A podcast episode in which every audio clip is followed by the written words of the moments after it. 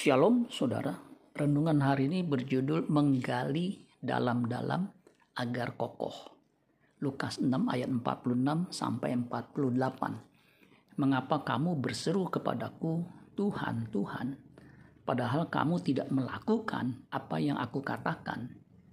Setiap orang yang datang kepadaku dan mendengarkan perkataanku serta melakukannya, aku akan menyatakan kepadamu dengan siapa ia dapat disamakan. Ia sama dengan seorang yang mendirikan rumah. Orang itu menggali dalam-dalam dan meletakkan dasarnya di atas batu. Ketika datang air bah dan banjir melanda rumah itu, rumah itu tidak dapat digoyahkan karena rumah itu kokoh dibangun. Mendengar dan melakukan firman Tuhan, dua hal yang harus berjalan seiring tidak dapat dipisahkan. Ibarat dua kaki yang berjalan beriringan. Kita tidak akan mendapat mencapai tujuan jika hanya menggunakan satu kaki saja.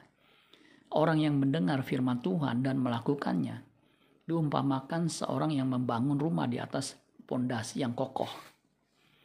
Sebuah pondasi dibuat dengan cara menggali tanah dalam-dalam, lalu meletakkan dasarnya, batu, dan tentunya ditambah dengan campuran pasir dan semen. Rumah dengan pondasi seperti ini pasti kokoh, tidak akan roboh diterpa air bah dan banjir. Iman yang kokoh di tengah terpaan badai pandemi COVID-19 tidak akan roboh.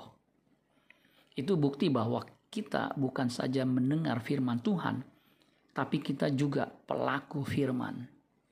Bersyukur jika kita bisa mendengar firman Tuhan yang digali atau dieksegesis dengan dalam dan benar sehingga kita bisa melakukannya dalam praktek hidup sehari-hari. Amin buat firman Tuhan. Tuhan Yesus memberkati. Sholah Gracia.